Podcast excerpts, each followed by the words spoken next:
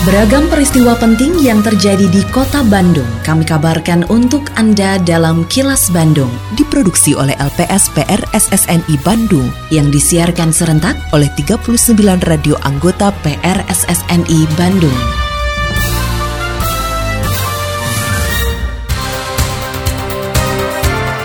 Sejumlah informasi aktual kami hadirkan untuk Anda dan inilah informasi utamanya. BPK mulai periksa laporan keuangan pemerintah Kota Bandung. Tarif PDAM Kota Bandung batal naik. Petani milenial menunggak pembayaran bank. Saya Santika Sari Sumantri, inilah kilas Bandung selengkapnya.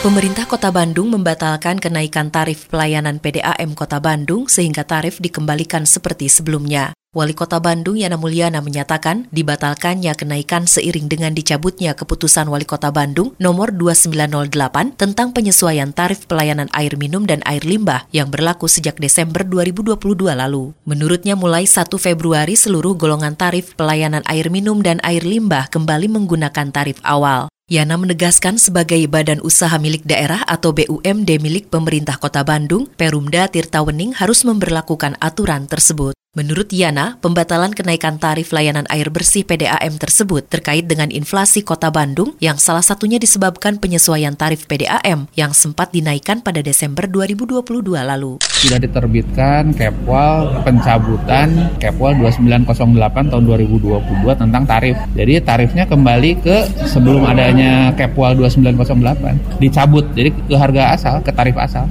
Enggak akan variatif. Jadi yang golongan paling rendah itu 900 rupiah per meter kubik atau per 1000 liter itu tetap 900. PDAM itu kan BUMD-nya kita. Kita kan pemegang saham, ya, pemilik. Badan Pemeriksa Keuangan atau BPK Perwakilan Jawa Barat mulai memeriksa laporan keuangan pemerintah Kota Bandung tahun anggaran 2022. Wali Kota Bandung Yana Mulyana meminta kepada seluruh OPD di lingkungan pemerintah Kota Bandung untuk memberi keterangan yang jelas agar hasil pemeriksaan BPK memberikan opini wajar tanpa pengecualian atau WTP. Yana menyatakan secara administratif laporan keuangan pemerintah Kota Bandung sudah sesuai arahan dan aturan sehingga diharapkan laporan keuangan tersebut dapat diterima dan dinyatakan WTP. Mulai saat ini akan dilaksanakan pemeriksaan interim oleh BPK Perwakilan Jawa Barat terhadap LKPD atau Laporan Keuangan Pemerintah Daerah Kota Bandung tahun 2022. Tentunya pemeriksaan ini tergantung juga kemungkinan data apa yang nanti akan diminta dan tentunya secara material kita juga harus menyampaikan data atau informasi apa pun yang dibutuhkan sehingga BPK tim pemeriksa ini bisa memberikan kesimpulan bahwa pengelolaan keuangan pemerintah daerah Kota Bandung itu wajar secara regulasi yang ada. Itu nanti di semua OPD kemungkinan kan akan diambil sampel-sampel ya. Aturan tata ruang yang baru di Kota Bandung pada dasarnya bersifat preventif dan represif. Kepala Dinas Cipta Karya Bina Konstruksi dan Tata Ruang atau Cipta Bintar Kota Bandung, Bambang Suhari mengatakan, langkah preventif dilakukan untuk mencegah pelanggaran tata ruang atau bangunan yang berpotensi melanggar aturan. Sedangkan langkah sanksi diberlakukan bagi mereka yang sengaja melanggar aturan. Menurut Bambang, sanksi bisa dikenakan berupa sanksi administratif hingga sanksi pidana rencana tata ruang itu bagian dari aturan preventif. Gitu ya. Sementara kalau yang sanksi ini aturan sifatnya represif. Jadi kita harapkan semuanya memenuhi ketentuan tata ruang yang sudah ditentukan ini. Jadi kalau ini semua terpenuhi kan enak nyaman ya, tidak ada pelanggaran. Jadi nggak usah diberikan sanksi gitu ya. Nah, tapi kan masalahnya ada persoalannya ada yang orang tahu tata ruang, ada yang sengaja melanggar. Nah, yang tidak tahu ini yang harus diberikan sosialisasi, pembinaan informasi. Nah, yang melanggar ini bisa dikenakan sanksi tadi.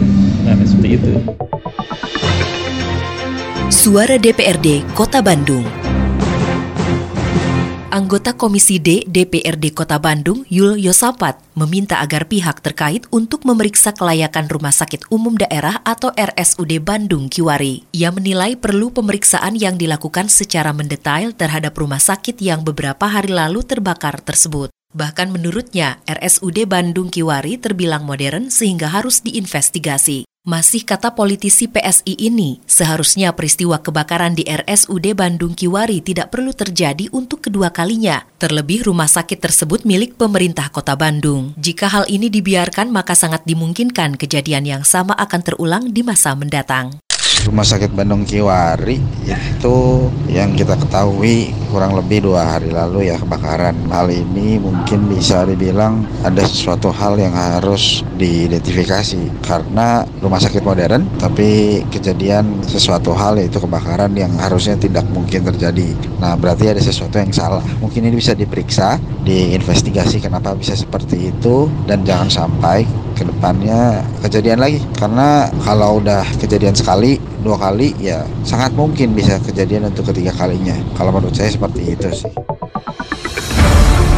Kini audio podcast siaran Kilas Bandung dan berbagai informasi menarik lainnya bisa Anda akses di laman kilasbandungnews.com Program Petani Milenial yang digagas Gubernur Jawa Barat Ridwan Kamil bertujuan menciptakan petani muda dan mengatasi krisis pangan. Namun di balik program tersebut terdapat sejumlah masalah dihadapi para petani milenial. Seorang peserta petani milenial dari Kabupaten Bandung Barat, Rizky Anggara, mengatakan ia dan sejumlah peserta lain yang tergabung dalam angkatan pertama program petani milenial harus dikejar utang bank. Menurutnya kondisi ini terjadi setelah setahun program berjalan, para petani milenial berhasil empat kali panen dari hasil budidaya tanaman hias dengan nilai penjualan mencapai sekitar 1,3 miliar rupiah. Namun hasil panen yang seharusnya diterima para petani milenial tak kunjung dibayar oleh CV Minaku Indonesia sebagai off-taker sekaligus penyedia indukan tanaman, juga PT Agro Jabar sebagai penjamin peminjaman uang ke bank untuk pengadaan indukan tanaman.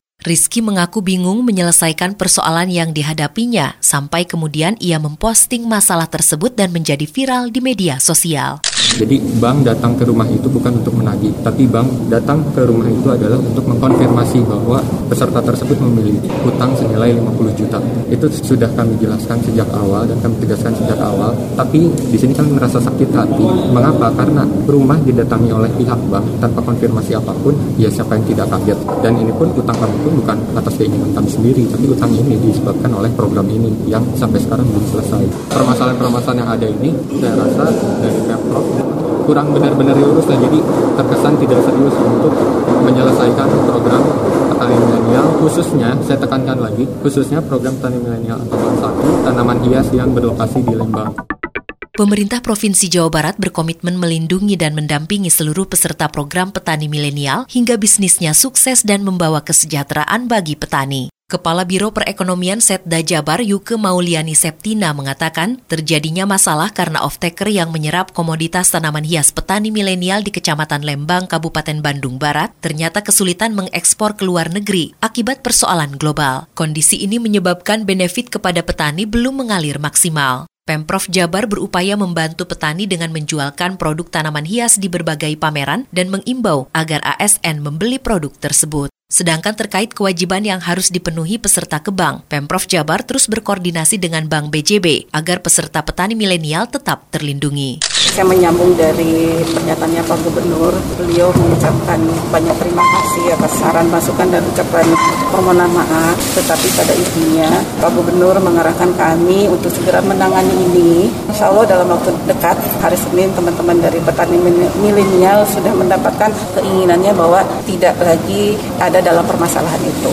Dan kami dari Pemprov Jabar akan terus melanjutkan program ini, karena buat kami ini adalah program yang bisa meningkatkan di sisi sektor pertanian. Kalaupun ada kendala-kendala ini karena adalah program yang baru sehingga kami masih mencari titik-titik yang harus kami selesaikan.